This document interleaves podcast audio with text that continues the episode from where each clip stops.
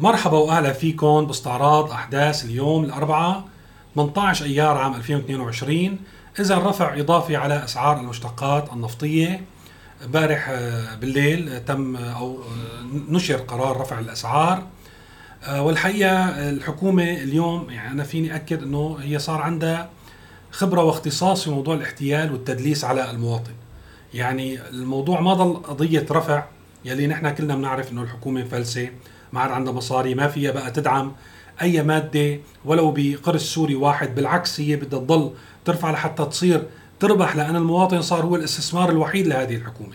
يعني ما هو في جيب المواطن هو طريقة العوائد يعني هي الطريقة الوحيدة لحتى يجيبوا عوائد للخزينة. ما عندهم أي طريقة أخرى بالعكس آه، كل الطرق الأخرى هي دين. يعني بتدينوا من إيران بتدينوا من روسيا. حتى لو أجتهم هبة هن بده يحاولوا مثل ما حكينا أكثر مرة يعني قلصوا الدين تبعهم وهكذا. ولكن تخيلوا قبل يومين على مدى يومين بأكثر من وسيلة إعلامية تابعة للنظام. بدهم يقنعونا إنه المواطن السوري هو اللي عم يطلب رفع إنه دخيلكم يا حكومة ارفعوا لنا سعر البنزين. ليش ارفعوا لنا سعر البنزين؟ المانه متوفرة إنه بس وفروا لنا المادة وارفعوا قد ما بدكم خذوا ما في مشكلة لأن إحنا بنعرف يعني إنه الوضع المعيشي ويعني دخل المواطن السوري متوسط آه، راتبه الشهري يعني بآلاف الدولارات مو فارقة معه. أنتم بس وفروا المادة وخذوا اللي بدكم إياه. قد ما بدكم يعني هذا كان تسويق لي طبعا كل الناس عرفت وقت يعني شافوا هالمواد عرفوا إنه الحكومة بدها ترفع يعني ما ضل الموضوع الحقيقة آه، ممكن يمرق على حدا. يعني كل السوريين صاروا بيعرفوا هالنوع من المواد وجود الأزمة بحد ذاتها يعني رفع بأسعار المشتقات النفطية. وما بعرف ليش الحكومة يعني بتعذب حالها وبتعمل هالمسرحية المكشوفة. حتى إنه المواد اللي طلعت بهذا الاتجاه مكتوبة. يعني نحن التلفزيونات عم تنزل وتصور الأزمة وتاخذ رأي المواطنين بس يمكن ما لقوا مواطنين ولا حتى عنصر مخابرات ما طوعوا قلبه يطلع قدام الكاميرا ويطالب برفع سعر البنزين. يعني ما ما حسين حتى لو هو عنصر ومأمور ما لقوا حدا مثل ما بيعملوا بالعادة يطلع مثلا في كثير من الأحيان بيطالعوا الناس تشكر ويعني مثلا طلع قانون عقوبات تموين إلى آخره. شفنا كل الأمور بعد بنهار صارت منيحة بيحسنوا يطبقوا المسرحية على التلفزيون. ولكن في موضوع يا حكومة ارفعي لنا أسعار المشتقات النفطية ما حسنوا يلاقوا حدا. حتى المأمورين من الناس الموجودين عندهم ما طلعوا على التلفزيون وطالبوا بشكل صوتي. وإنما تم كتابة وتوزيع هذه المواد على وسائل الاعلام المحلية من قبل المخابرات كما هو معلوم عنا ومعمول به في آه، سوريا. هلا الشيء الأكيد كمان اللي بدي أحكي فيه إنه بالإضافة ل آه، يعني هالمواد اللي توزعت أساسا الأزمة هي موجودة ولكن هن شو بيعملوا قبل أسبوعين؟ بيفاقموا الأزمة. يعني بيتعمدوا إنه يقصروا في آه، توزيع المشتقات النفطية على المحطات البنزين أو بطرق التوزيع المعروفة. وبصير في أزمة حقيقية يعني. لا أنت بالسعر آه، المحددين ولا بالسعر السوق السوداء فيك تحصل عليه. حتى بيعملوا على رفع السعر بالسوق السوداء إلى مستويات قياسية لحتى الناس تقول دخيلكم أمنوا لنا إياه يعني بأي سعر بدكم إياه. على أساس راح يكون أقل من سعر السوق السوداء وكيف بيعملوا هذا الموضوع؟ بنلاحظ اليوم يعني هذا دليل إنه نحن بنعرف من يمكن أكثر من أربع خمس أيام ربما أسبوع قالوا إنه وصلت آه، سفينة مشتقات نفطية إلى آه، إيرانية ضمن خط الائتمان الجديد إلى مرافق السورية. ما شفنا اي انفراج بالأزمة.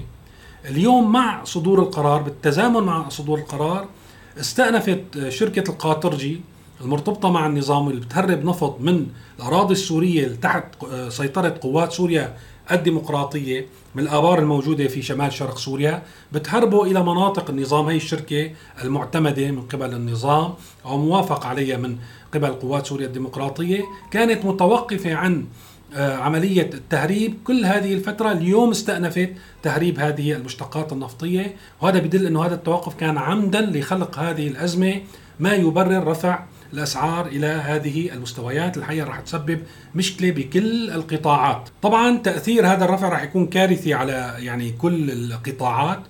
آه، المشتقات النفطية مثلا رفعوا المازوت الصناعي وبالتالي معظم المنتجات أو السلع والخدمات راح يزيد سعرها يعني بنسب متفاوتة.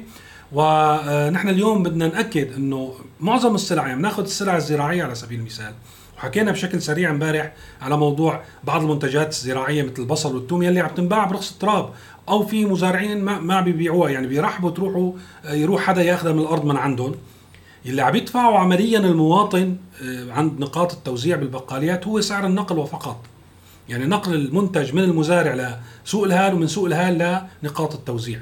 هلأ راح يزيد هذا السعر أضعاف مضاعفة وطبعا هو بيأثر على كل شيء وهذا راح يتسبب بموجة جديدة من ارتفاع الأسعار. بالتزامن مع عدم وجود أي مؤشرات على رفع دخل المواطن. يلي مرة ثانية بدنا نذكر بأنه هو تقريبا 23 دولار بالشهر. يعني الأسرة إذا فيها شخص عامل بيوصل ل 23 دولار ما بتكفيهم حقيقة حق الخبز. هون بالمناسبة الخبز يعني كمان صار في عندنا مشكلة بالقمح. نحن معظم زراعات القمح هي في شمال شرق سوريا اليوم في آه، تنافس بين النظام وقوات سوريا الديمقراطية يا عيني على هالدولة. لا حتى ياخذوا هالقمح من المزارعين بأرخص الأسعار الممكنة. يلي رفع الأسعار شوي هي المنافسة بين الاثنين، يعني قوات سوريا الديمقراطية بتعطيهم سعر بيجي النظام بمكرمة هيك سموها من الرئيس الأسد بيرفع السعر أكثر من قوات سوريا الديمقراطية ولكن بيضل السعر أقل من سعر السوق السوداء. ما بعرف إذا المزارع عنده آه، الحرية أو الإمكانية لحتى يبيعها. للسوق السوداء، بتوقع الموضوع مقيد لدرجة إنه الحكومة مثلا اليوم آه، أو النظام آه، وبما يعني تطال أذرعه التنفيذية منع الفلاح يعمل فريكه ما بعرف إذا كل الناس بتعرف الفريكه يعني هو القمح صحيح يعني بيكون آه، حبة صحيحة ويتم استخدامه بالإضافة للرز والبرغل في المطبخ السوري. ممنوع اليوم تخيلوا بسوريا إنه الواحد يعمل من قمحه قمح الأرض تبعه فريكه ممنوع. يتم ملاحقته ومخالفته. وفي تنافس حاد على شراء هذا القمح ولكن كل الأسعار المعروضة بما فيها سعر السوق وحكينا دائما عم نقول نحن وصلنا إلى نوع من الاستعصاء الاقتصادي. يا دوب إذا يعني إذا حتى باعوا بالسوق السوداء يعني نعطي فكرة عن الأسعار. مثلا النظام عم يعطي 1700 ليرة على سعر كيلو القمح. بالسوق تقريبا عم باع 2500 حتى ال 2500 يا دوب تغطي تكاليف زراعة المنتج في أرض المزارع. يعني يعني كل الناس خسرانين. آه، نحن بنعرف بالدول الناجحة والدول المزدهرة بيقول كل الناس ربحانين نحن بسوريا كل الناس خسرانين. يعني مع الأسف هذا هو الواقع. ومثل ما بيقولوا بكل الدول إنه هذا البلد سبل العيش الكريم متوفرة فيه. نحن سبل العيش المتوفرة بدون كريم ما موجودة في سوريا غير متوفرة. يعني سبل العيش المتوفرة في الدولة الحقيقية هذا اللي بتسعى له الحكومة نحن بسوريا سبل العيش ما أنا متوفرة على أي مستوى كان. والأمور إلى أبعد ودائما بيقولوا لي أنه أنت متشائم وسلبي ولكن أنا أوصف الواقع. حتى الأحداث اللي يبدو تقديمها إيجابية لا يعني إذا في قراءة موضوعية للحدث ما فيك تستنتج نتائج إيجابية فيه. يعني مثلا من فترة كان في مؤتمر الاستثمار في الكهرباء يلي صار في دمشق. وأجت عليه شركات والى اخره، أنا بدي أفترض إنه المؤتمر ناجح، إنه أجت شركات وبدها تستثمر كهرباء بسوريا. ولكن هذا الكلام شو معناه؟ هذا الكلام معناه إنه الكهرباء بتصير إنتاج قطاع خاص أو القطاع الخاص شريك في إنتاج الكهرباء في سوريا. القطاع الخاص ما ما بيخسر. والحكومة ما عندها بقى القدرة قلنا قدمنا 100 دليل إنه تشتري بسعر غالي وتبيع بسعر رخيص. معناتها الحكومة تتوجه لكي تبيع الكهرباء بسعر السوق العالمية وبالتالي إنه يرتفع أضعاف مضاعفة عما هو عليه اليوم. يعني وين الخبر الصار بالموضوع؟ هي ما بتقول إنه هي عم تعمل مشاريع. إنه هي عم تأمن موارد إنه مثلا عم بتاكد إنه هي راح تلتزم بدعم المواطن يلي يعني يعاني الأمرين بكل النواحي مسؤوليه الحكومة بالظروف الصعبة بكل دول العالم إنه تخفف عن مواطنينا والقطاعات اللي عم يشتغلوا لساتهم تخفف عليهم الأعباء. لا هي اليوم الحكومة آخذة يعني دور شهبندر التجار. أه بترفع الأسعار آه، بصير في نقص بصير في أزمات تيجي بتسألها بيقول لك هذا الموجود. أوكرانيا هيك وجبنا آه، من الدولة الفلانية بسعر كذا واجور الشحن بسعر كذا والله ما بتوفي معنا أكثر من هيك. طبعا هذا حكي تاجر ولكن مو حكي آه، حكومة. مسؤولة عن مواطنين عم ياخذوا 20 دولار بالشهر. الحكومة هي المسؤولة عن تأمين الحلول وإنه ترفع الدخل أو تسد الفجوة بين الدخل وبين التكاليف. ما حدا ليش هي المسؤولة؟ لأن ما في حدا بالمجتمع قادر إنه يسد هذه الفجوة غير الحكومة. يعني إذا هي ما تحركت كان عندها خطة وهي الخطة يعني بدها تنفذها بدقة وبإرادة. ما بيمشي الحال. أما إذا هي عم تتصرف ودائما هلأ نحن الوزراء وكل المسؤولين في سوريا عم يطلعوا على شاشات التلفزيون يحكوا مثل التجار يلي بسوق الهال. إيه ما بيمشي الحال. يعني كيف بدك تحل الموضوع؟ والمواطن ما في حدا يمثله مرة تانية لا نقابة ولا مجلس الشعب ولا حدا بيحكي عنه.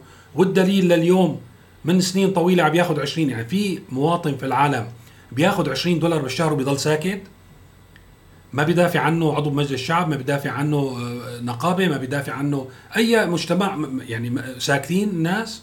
ويوم عن يوم بتقول له ليش رفعت البنزين؟ بيقول لك والله هيك في أزمة عالمية. طيب والمواطن شو ذنبه؟ ليش عم تعطيه للمواطن؟ أنت عم تسرقه مرة ثانية هاي سرقة هاي سخره صارت. وقت نقول إنه نحن عم نشغل الناس ب 20 دولار بالشهر هي سخره هذا نوع من العبودية. أنت عم تستعبد هذا الشخص أنت عوض ما تعطيه قيمة هذا العمل اللي مثلا هو 200 300 دولار عم تسرق منه 280 دولار لحتى تضل عايش أنت كنظام وتعطيه الفتات اللي هو 20 دولار. وبالتالي آه، حتى الأحداث الإيجابية اللي بتدل إنه والله في استثمار. هلا بدنا نحكي عن آه، إيران ويعني أيضا الشراكة مع إيران. كل المؤشرات تدل إنه الأمور رايحة باتجاه يعني آه، رفع الأسعار ورفع تكاليف المعيشة على المواطن بدون ما يكون في أي جهد أو أي تصريح أو أي دلالة إنه آه، دخل هذا المواطن سيرتفع إلى حدود مقبولة يستطيع على الأقل شراء الخبز، هلا على سيرة الخبز بنرجع للخبز. أيضا وقت نقول شو يعني إنه والله الحكومة عم تشتري القمح ب 1700 وبالسوق 2500 يعني بأحسن الأحوال بهالحالة بيكون تكلفة كيلو الخبز إذا يعني كثير بدنا ما بيطلع يعني مو كيلو الخبز ربطة الخبز بيطلع تكلفتها فعلا 2000 ليرة مثل ما بتقول الحكومة إذا ما كانت مغشوشة. فمرة ثانية ما حسنانة الحكومة مفلسة الحكومة النظام مفلس بده مصاري. ما حسنان هو يشتريها من الفلاح أو يستورد القمح من برا ويدفع حق الكيلو 2000 ويبيعه ب 200 بالسعر المدعوم. فبالتالي يوم عن يوم هو بده يستثني شرائح حتى من شراء الخبز المدعوم. ونحن بنعرف الغالبية العظمى اليوم في سوريا لا تستطيع أن تشتري حتى الخبز بالسعر الحر. يعني رواتبها أو الراتب ما بيكفي سعر لأسرة إذا مؤلفة من خمس أشخاص ما بيكفي الراتب سعر خبز وفقط. فما بالك بالمواصلات بكل الخدمات بالكهرباء بالفواتير اللي لازم يدفعها بالطعام يعني بنعرف نحن مصاريف العيلة قديش كبيرة. وبالتالي نحن عم نقول نحن أمام كارثة معيشية. الحقيقة كل ما يحدث في سوريا هو لعدم مثل ما حكيت وبلشت عدم توفر يعني هن بدي عم يوجهوا لك رسالة. سبل الحياة في هذا البلد غير متوفرة. يعني لازم يكتبوها على الحدود عنا وإنه روح دبر حالك بشي بلد تاني. أنا بتوقع كل شيء عم بيصير هو ضمن هذا الاطار هلأ النشاط الاقتصادي هذا اللي عم نخسره نحن كسوريين مين عم يربحه؟ عم تربحه إيران بالدرجة الأولى. يعني هذا مؤكد. بنشوف دائما آه، على شكل موجات ومثل ما حكينا دائما هذا الموضوع أي تقارب أو محاولة للحلحلة خلينا نقول. لأن نحن الحلحلة بسوريا إنه سوريا بشكل أو بآخر تسترجع علاقاتها الطبيعية مع المحيط يلي هن الدول العربية. ومع دوليا وعم نحكي على سوريا مو الرئيس بشار الأسد. أنا مرة ثانية بقول آه، بشار الأسد لا يمكن إعادة يعني حتى مين ما اجى حتى الرئيس الأمريكي إذا بدي يعومه اليوم ما بيحسن. ولكن سوريا ترجع علاقاتها. أي خطوة بهذا الاتجاه تطحش إيران على البلد على سوريا وتحاول أن تستحوذ على يعني أكثر فأكثر على مقدراتها على يعني خلينا نقول نسب من القطاعات الموجودة فيها في كل مناحي الاقتصاد وتوجه رسالة إلى المحيط وإلى العالم إنه أخي هي سوريا صارت عنا. ما حدا يقرب عليها. إذا حدا له مصالح بسوريا يجي يحكي معنا نحن الإيرانيين. فمرة ثانية هيك بسرعة من بعد زيارة آه، الأسد للإمارات شفنا أنه كيف إيران رجعت زادت نشاطها بكثير واستدعت الأسد إلى إيران شخصيا وصرحت أنه العلاقات الاقتصادية رجعت كما كانت وفتحت الخط الائتماني اللي مرة ثانية ما تفرحوا كثير هو دين. يعني هو شيء آه، هو قروض آه، تعطى للنظام السوري على شكل سلع ومواد. وهي بدي طالعة منكم بدي طالعة مننا نحن السوريين. نظام مرة ثانية هو ينظر إلى هذه القروض على أنه فرصة ليحصل مكاسب. وهذا السبب أو هذا يلي عم يخليه يرفع آه، يعني المشتقات النفطية وغيرها من المنتجات بهالوتيرة المتسارعة لأنه بده يستعجل ليوصل لمرحلة يربح من المواطن. يعني أنا بعيدها اليوم للمرة الثانية لتكون واضحة. فإذا إيران بنشوف بالإضافة لزياره بعد زيارة الرئيس بنشوف إنه آه، خلينا نقول يعني معلش فلتوا الإيرانيين على سوريا زيارات لوفود إيرانية. كان في يعني لقاء مشترك إيراني سوري بغرفة صناعة دمشق وتصريحات على وجوب زيادة الاستثمارات الإيرانية في سوريا وزيادة التبادل التجاري. طبعا التبادل التجاري عم بيكون آه، نحن من عنا عم بياخذوا كل المواد الأولية وبيصدروا لنا سلع. آه، مصنعة في إيران يمكن ما قابلة للدخول بأي أسواق أخرى. يعني صرنا مكب نفايات آه، بالنسبة لهم أيضا إذا بدنا نتابع الأخبار بنشوف أيضا نتيجة هالتفاهمات الأخيرة الإيرانية.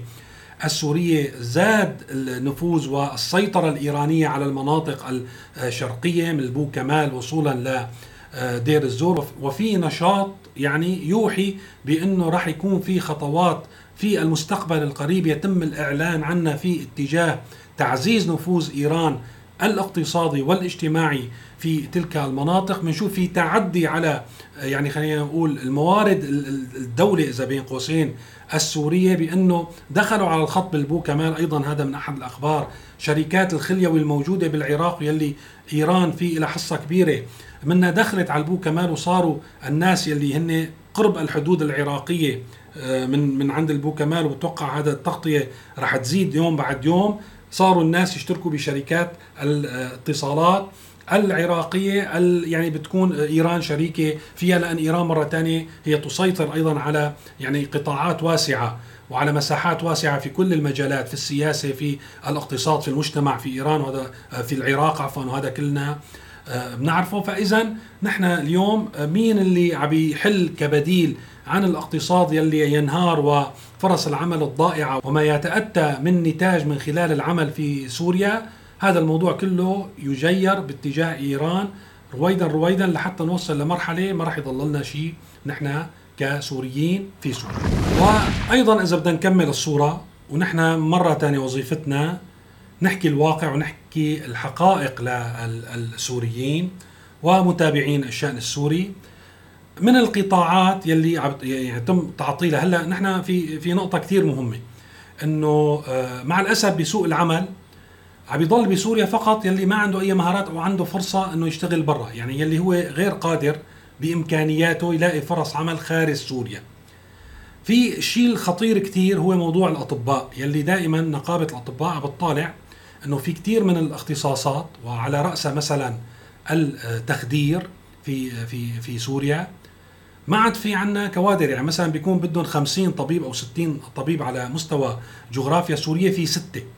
يعني تصوروا كيف نحن بدنا نقدم خدمات طبية بقطاعات أو اختصاصات ما ما موجودين دكاترة. لأن حقيقه هالأطباء ما عاد يعني أيضا موضوع دراسة الطب وإنه الواحد يتخرج هي عملية أيضا اقتصادية ذات جدوى يعني الناس بتدخل طب لحتى يكون دخلها مرتفع لحتى تحصل وظيفة على الأقل تأمن لها الحد الأدنى المطلوب للعيش. يعني ما بدنا نقول رفاه اليوم بسوريا. ولكن مع الأسف طالب الطب اليوم اللي عم يدرس ويتخرج في بعض الاختصاصات إذا ما كان معظمها ما عاد حصل يعني مثله مثل غيره لقمة عيشه حتى. فهدول يا في عزوف عن دراسة الطب أو عم يدرسوا الطب وقبل ما يتخرجوا أو بعد ما يتخرجوا مباشرة عم يدبروا فرصة عمل بأي طريقة في الخارج حتى في الدول يلي ما الدول الأوروبية ما عم نقول كلهم عم يطلعوا يعني حتى الصومال بيروح عليها. أي دولة إفريقية أي دولة لأن نحن صرنا في يعني أسفل السلم خلينا نقول بترتيب الدول بجودة الحياة. فأي دولة في العالم اليوم أصبح فرصة العمل فيها هي فرصة ذهبية للسوري الذي يمتلك الامكانيات أو المهارات. أو العلم. فهذا الموضوع طيب أوكي منيح مشان هذا الشخص اللي عم بيروح عم بيشوف على الأقل آه، مستقبل أفضل. على الأقل هناك عم بيامن أكله وشربه وسكنه. ولكن شو عن السوريين الموجودين بالداخل؟ بدنا نتخيل نحن الموضوع. كهرباء ما راح يجيهم لأن ما معهم يدفعوا. خبز يا دوب بده ياكلوا والحكومة راح توصل لمرحلة ما راح تحسن تأمن لهم الخبز بناء على الدخل. رفع بالرواتب والأجور؟ ما في. طيب حتى الطب إذا واحد مرض شو بده يسوي؟ إذا احتاج لعملية ما راح يلاقي آه، دكتور يخدره يعني بده يصير نحن نرجع للعصور الوسطى قبل نشوء التخدير ونعض على آه، يعني الخرقة ونقعد نتألم لحتى نعمل العمليات. إذا كان في دكتور لحتى يعملنا هالعملية. الخبر الأخير اللي بدي أحكي فيه الحقيقة هو خبر آه، مهم ويعني لازم ننتبه له. ولكن لازم نتأكد منه أكثر. أنا عم اورده اليوم لحتى ناخذ حذرنا. ووعدكم إنه راح أتأكد منه أكثر وأكد عليه في التسجيلات القادمة. الخبر بيقول إنه مزقت الشرطة العسكرية التابعة لنظام الأسد تأجيلات دراسة ل 24 طالب من أبناء محافظة الرقة وساقتهم إلى معسكرات التجنيد الإجباري، بنعرف نحن إنه التجنيد إلزامي وإجباري في سوريا، المستثنى هن ثلاث فئات، الوحيد، الوحيد لأهله، أو المغترب بيدفع بدل، أو المؤجل دراسيا. وفيني أكد إنه الغالبية العظمى من الشباب اليوم الموجودين في سوريا بقيانين في سوريا ما حاولوا الهرب أو طلعوا لأنهم مؤجلين دراسيا واللي مضطر يضل بسوريا من الشباب ما لاقى طريقة ليطلع. وأنا بعرف إنه مع الأسف مرة ثانية معظم الشباب السوري اليوم يعني غاية ما ما يريد هو إنه يطلع برات البلد لأي جهة كانت. إذا ما عنده هذه الفرصة عم يأمن طريقه لحتى يأجل العسكرية من خلال إنه يكون طالب بطريقة أو بأخرى. طبعا في منهم طلاب حقيقة وما خلصوا دراستهم ولكن حتى يلي عم يخلص عم يلاقي طريقة أخرى بيسجل ماجستير بيسجل تعليم مفتوح بيلاقي طريقة لحتى بيترك مادة ما بيتخرج لحتى يأمن على حاله ما يروح على العسكرية لأن روحها على الخدمة الإلزامية يعني هي مواجهة المخاطر والموت يعني غالبا.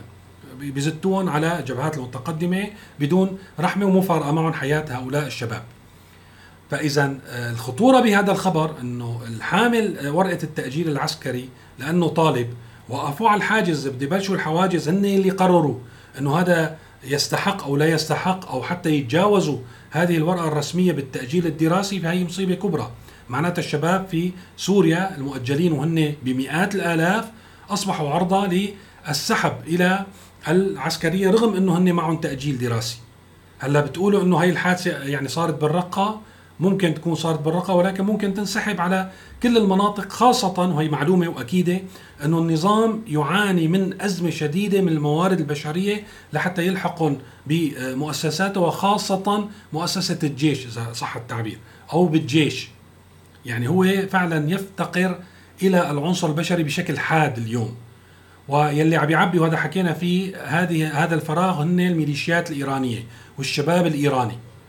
أو الشباب الما مطلوبين العسكريه خارج نطاق سيطرة الدولة عم يتطوعوا بالميليشيات الإيرانية ويصيروا تابعين لهم بشكل أو بآخر وبالتالي مرة ثانية هذا عم يضعف النظام أكثر وأكثر.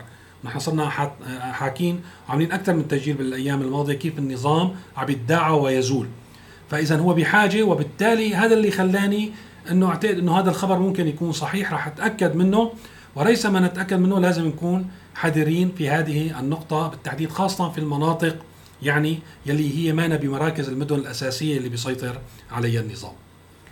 هذا كل شيء بدي احكيه لليوم شكرا لمتابعتكم بدي نوه إنه نحن أضفنا خدمة للمنتسبين للقناة خدمة إنه يشوفوا الأخبار من خلال نصوص آه، منشورة على ال community بقناه آه، بقناتي يشوفوها أول بأول رح ننشر الأخبار أول بأول للأعضاء لحتى يطلعوا عليها نوع من الشكر بالتعاون طبعا مع سيرا نيوز خدمة الإخبارية بسيرا نيوز يعني كنوع من التعبير عن الشكر والعرفان لمنتسبي القناة يلي مساهمتهم بالقناة عم بتساعد كثير باستمرارها. شكرا لكل المتابعين والمشتركين في القناة وإلى اللقاء بتسجيل قريب.